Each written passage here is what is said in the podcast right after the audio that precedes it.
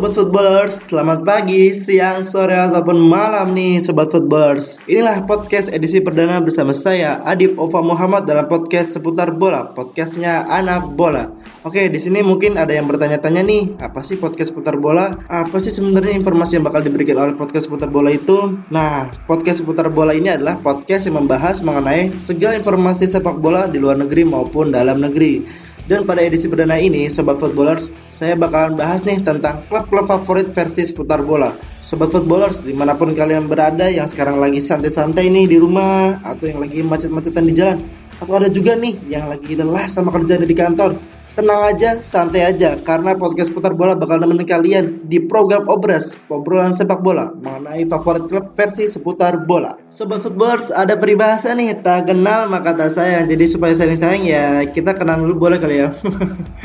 Oke oke, sebelum masuk ke obrolan utama nih Sobat Footballers, biar kalian tahu nama lengkap saya adalah Adi Ova Muhammad dari Sekolah Vokasi IPB, lahir di Jakarta pada 3 November 1999. Nggak kerasa ya udah 20 tahun lamanya nih Sobat Football saya hidup dan selama 20 tahun itu pun saya dari kecil sudah suka yang namanya sepak bola.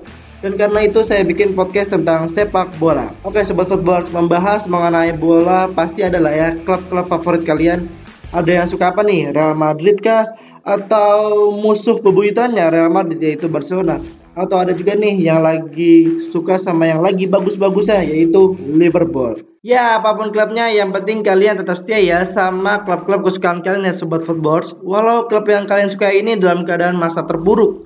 Nah, kalau menurut seputar bola, klub-klub favorit yang pertama datang dari negeri Spanyol dengan predikat juara terbanyak di Liga Champion. Pasti para sobat footballers tahu kali ya apa yang dimaksud dengan saya. Ya, sebut saja Real Madrid. Ya, pasti para footballers bertanya-tanya nih, kenapa podcast seputar bola mengeluarkan favorit pertama datang dari Real Madrid?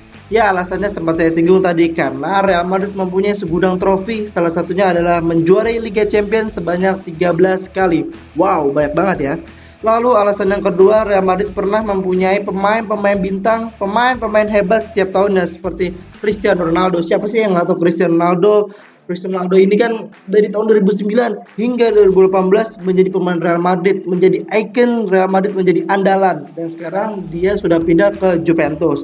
Lalu Casillas, kalau ingat Casillas, saya selalu keinget bagaimana pada tahun 2010 dia menggagalkan one by one nih dengan Robin dengan pemain Belanda itu. Wah, hebat banget kan dengan kakinya itu loh Casillas. Lalu lalu ada Sabi Alonso nih, lalu David Beckham, Raul Gonzalez hingga Zinedine Zidane. Jadi tak salah ya bila Real Madrid disebut dengan Los Galacticos karena selalu mendatangkan pemain-pemain hebat. Membicarakan mengenai Zinedine Zidane menjadi cerita menarik nih Sobat Footballers karena dulunya dia adalah pemain Real Madrid tetapi sekarang malah menjadi pelatihnya sejak 2016. Membahas mengenai Zinedine Zidane Sobat Footballers pasti kalian masih sangat ingat ya bagaimana suksesnya Zinedine Zidane membawa Real Madrid juara tiga kali berturut-turut di Liga Champions dari tahun 2015 hingga tahun 2018. Wow, wow, mantap, mantap. Lalu dua kali juara Piala Super Eropa dan juga dua kali Super Spanyol. Lalu dua Piala Dunia antar klub dan yang terakhir juara La Liga Spanyol pada tahun ini, pada tahun 2020. Tentu itu merupakan prestasi yang luar biasa, bukan? Tapi sobat footballers pada musim ini Real Madrid juga berbeda nih dari musim-musim sebelumnya.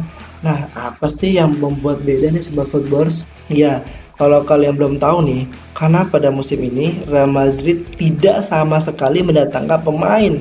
Padahal biasanya Real Madrid ini tiap musimnya sangat aktif membeli pemain hebat, tapi sekarang kok menjadi pasif banget ya. Jadi apa sih sebenarnya latar belakang atau alasan yang membuat Real Madrid ini pasif sekali dalam transfer kali ini. Tenang sebab football karena saya akan kasih tahu nih alasan kuat Real Madrid tidak membeli pemain pada musim ini. Nah, alasan yang pertama adalah karena pada masa pandemi ini tentunya Real Madrid juga ingin menjaga keuangannya, menjaga neraca keuangannya karena sudah banyak mengeluarkan uangnya untuk merenovasi stadion utamanya. Pasti kalian tahu lah ya stadion utama apa? Ya, Stadion Santiago Bernabeu dan juga alasan yang lain adalah Real Madrid juga menjaga uangnya untuk merencanakan mendatangkan pemain muda potensial, yakni Klein Mbappe dan juga Kamavinga. Yang saat ini digadang-gadang menjadi pemain top dan menjadi generasi untuk masa depan. Tapi untuk mendatangkan pemain tersebut, keduanya tidaklah mudah loh karena dibentrol dengan harga mahal oleh klub-klub masing-masing. Tapi sobat football tenang aja karena Real Madrid tentunya sudah menyiapkan hal tersebut. Oke sobat football, setelah kita membahas Real Madrid, sekarang kita beranjak ke klub favorit selanjutnya. Datang dari kota Manchester dengan sebutan Setan Merah Red Devils. Ada yang tahu nggak nih klub apa sih itu sebenarnya? Ya, klub itu adalah Manchester United. Klub yang mempunyai salah satu stadion terbaik dunia yaitu Stadion Old Trafford yang mencapai 80 ribu loh sobat footballers. Tentu jika kita membahas dan melihat Manchester United, saya selalu teringat saat di final Liga Champions nih sobat footballers. Ada yang ingat nggak nih? Pada tahun 2008 itu loh yang di Rusia bagaimana dak duksernya melihat Manchester United melawan Chelsea yang pada saat itu berakhir di adu penalti. Dan syukurnya alhamdulillahnya nih sobat footballers karena pada saat itu Manchester juara. Hingga menempatkan Edwin van der Sar menjadi pemain terbaik di UEFA. Tapi kalau kita melihat sekarang ya Ya memang beda sih ya dari eranya Sir Alex Ferguson. Karena hingga saat ini kita belum melihat pelatih sehebat Sir Alex Ferguson. Sebut aja nih sejak 2013 sejak Sir Alex Ferguson turun itu digantikan oleh David Moyes, lalu digantikan oleh Luis van Gaal, Jose Mourinho, hingga saat ini pelatih yang pernah menjadi pemain Manchester United, yakni Ole Gunnar Solskjaer, yang belum bisa mengikuti kesuksesan Sir Alex Ferguson saat melatih Manchester United. Padahal Manchester United sudah mendatangkan pemain-pemain hebat, pemain-pemain berkelas seperti Angel Di Maria, Memphis Depay, hingga Alexis Sanchez. Walau dalam keadaan yang kurang baik, tapi Manchester United tetap menjadi klub Eropa yang selalu ditakuti loh sobat Footballers. Kenapa sih sebenarnya? Ya karena Manchester United selalu menjadi penantang serius di Liga Premier Inggris. Dan juga kita melihat sejauh ini prestasi yang diraih maka tak salah juga sih sebenarnya Manchester United menjadi salah satu klub terbaik di dunia. Kita sebut saja nih 20 kali juara Premier Inggris dan menjadikannya yang paling banyak gelar di Inggris dan juga raihan trofi di kompetisi bergengsi lainnya seperti tiga kali juara champion, Liga Eropa, dan juga yang lainnya.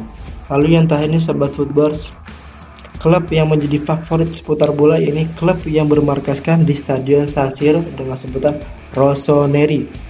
Lalu ada yang tahu nggak sih sebenarnya apa itu Rossoneri? Apa itu klub yang bermarkaskan di Stadion San Siro? Ya, klub itu adalah AC Milan. Nah, kalau para Milanisti pasti tahu lah ya. Apalagi kalau kita melihat dulu eranya Paolo Maldini, Dida, Ricardo Kakak, Filippo Inzaghi dan lain sebagainya. Karena bukan tanpa alasan loh sobat footballers. Pada era itu di mana kita melihat AC Milan sedang dalam masa jaya-jayanya, sedang dalam masa emas-emasnya hingga membuat saya pun jatuh cinta kepada AC Milan karena performa terbaiknya melihat juga sih karena komposisi pemainnya dari depan, tengah, belakang hingga kiper diisi dengan pemain-pemain berkelas. Dan terbukti hal tersebut membuat AC Milan ini sejauh ini sukses meraih 7 gelar Liga Champions, 18 kali gelar Liga Italia yang menjadikannya klub kedua terbaik di Italia setelah Juventus, 5 kali Piala Super Eropa, dan 5 kali juara Coppa Italia dan gelar-gelar lainnya. Melihat kesuksesan AC Milan rasanya saya juga teringat juga sih yang menyesakkan dari AC Milan. Apa sih sebenarnya? Ada yang tahu nggak? Nah kalau kalian tahu nih kalau kalian ingat pada final champion 2005 yang di Turki itu loh sobat footballers saat AC Milan berhadapan dengan Liverpool yang sudah unggul 3 gol tanpa belas di babak pertama lalu disamakan di babak kedua oleh Liverpool hingga mencapai adu penalti dan yang lebih menyedihkannya lagi nih Sobat Footballers karena AC Milan kalah dengan Liverpool pada adu penalti tersebut dengan skor 3-2. Mungkin hal itu juga menjadi sejarah juga sih ya di final Liga Champion. Melihat AC Milan saat ini memang sih tidak sehebat yang dulu nih Sobat Footballers karena terakhir kali juara aja pada tahun 2006 juara Liga Champion dan terakhir juara Liga Italia pada tahun 2010. Tapi kita doakan aja ya sobat footballers karena pada tahun ini AC Milan pun punya kans untuk menjadi juara Liga Italia walau masih jauh sih karena baru 8 kali bertanding tapi dalam 8 pertandingan tersebut AC Milan tanpa kekalahan atau unbeaten. dan menempatkan pada puncak klasemen dengan raihan 20 poin. Lalu Sobat Footballers, pemain AC Milan pun yaitu Ibrahimovic sebagai pencetak gol terbanyak sementara dengan 10 gol. Kalau tadi kita membahas mengenai klub-klub favorit luar negeri, maka saat ini seputar bola juga mempunyai klub favorit nih, yaitu dalam negeri yaitu di Indonesia. Siapakah klub tersebut Sobat Footballers? Ada yang bisa mendapatkan nih apakah Arema mungkin atau Persib Bandung atau Persipura Jayapura. Tentu bukan itu Sobat Footballers karena klub favorit versi seputar bola yakni klub yang berada di ibu kota Jakarta dengan sebutan Macan Kemayoran Pasti Sobat Footballers tahu kali ya klub itu. Ya, klub itu adalah Persija Jakarta. Lalu Sobat Footballers bertanya nih, kenapa sih seputar bola menyukai klub ini, menyukai klub Persija Jakarta? Ya, terlepas dari saya yang tinggal di Jakarta, tapi Persija Jakarta mempunyai segudang gelar juga nih. Apa sih gelarnya? Mungkin ada yang banyak yang belum tahu nih gelar dari Persija Jakarta sendiri. Ya, gelarnya adalah juara 9 kali di era Liga Persikatan dan ditambah dengan Liga Indonesia atau Liga 1 pada tahun 2001 dan yang terbaru nih pada tahun 2018 sehingga total 11 gelar juara dan menempatkan Persija Jakarta dengan gelar terbanyak di Indonesia. Selain segudang prestasi yang sudah diraih, saya juga menyukai pemain legend dari Persija Jakarta nih Sobat Football, yakni manajer tim dari Persija Jakarta. Siapa lagi kalau bukan Bambang Pamungkas yang biasa disebut dengan BP atau BP20 karena nomor punggungnya identik dengan 20 di Persija Jakarta. Dan tidak hanya menjadi pemain legend di Persija Jakarta, tetapi juga menjadi pemain timnas yang sukses sehingga tak salah jika BP atau Bambang Pamungkas dinobatkan sebagai salah satu pemain terbaik versi AFC dengan torehan 38 gol di timnas Indonesia selama 86 penampilannya. Lalu di Persija Jakarta nih, Sobat Footballers dia sudah mencetak 200 gol loh Sobat Footballers di semua kompetisi Persija Jakarta dan musim terbaiknya pada tahun 1999-2000 saat menjadi top skor Liga Indonesia dengan 24 golnya. Eh iya Sobat Footballers, nggak lupa juga nih saya mau ngucapin selamat ulang tahun kepada Persija Jakarta pada tanggal 28 November yang lalu. Doa dari saya semoga Persija bisa lebih berprestasi lagi ke depannya. Amin ya robbal alamin. Jadi itu Sobat Football akhir dari podcast kita pada hari ini tentang klub-klub favorit versi seputar bola edisi perdana. Kalau ada saran atau masukan buat podcast seputar bola bisa banget nih Sobat Footballers DM ke IG saya. DM aja Adip Opa 03 Saya Adip Opa Muhammad pamit undur diri. Sampai berjumpa di edisi selanjutnya. Sapi sebelum itu kalau kalian suka sama podcast ini Kalian bisa banget nih follow podcast ini. Karena kita bakal bahas sepak bola yang pastinya lebih seru lagi Di luar negeri maupun dalam negeri. Oke sampai jumpa Sobat Footballers. Bye bye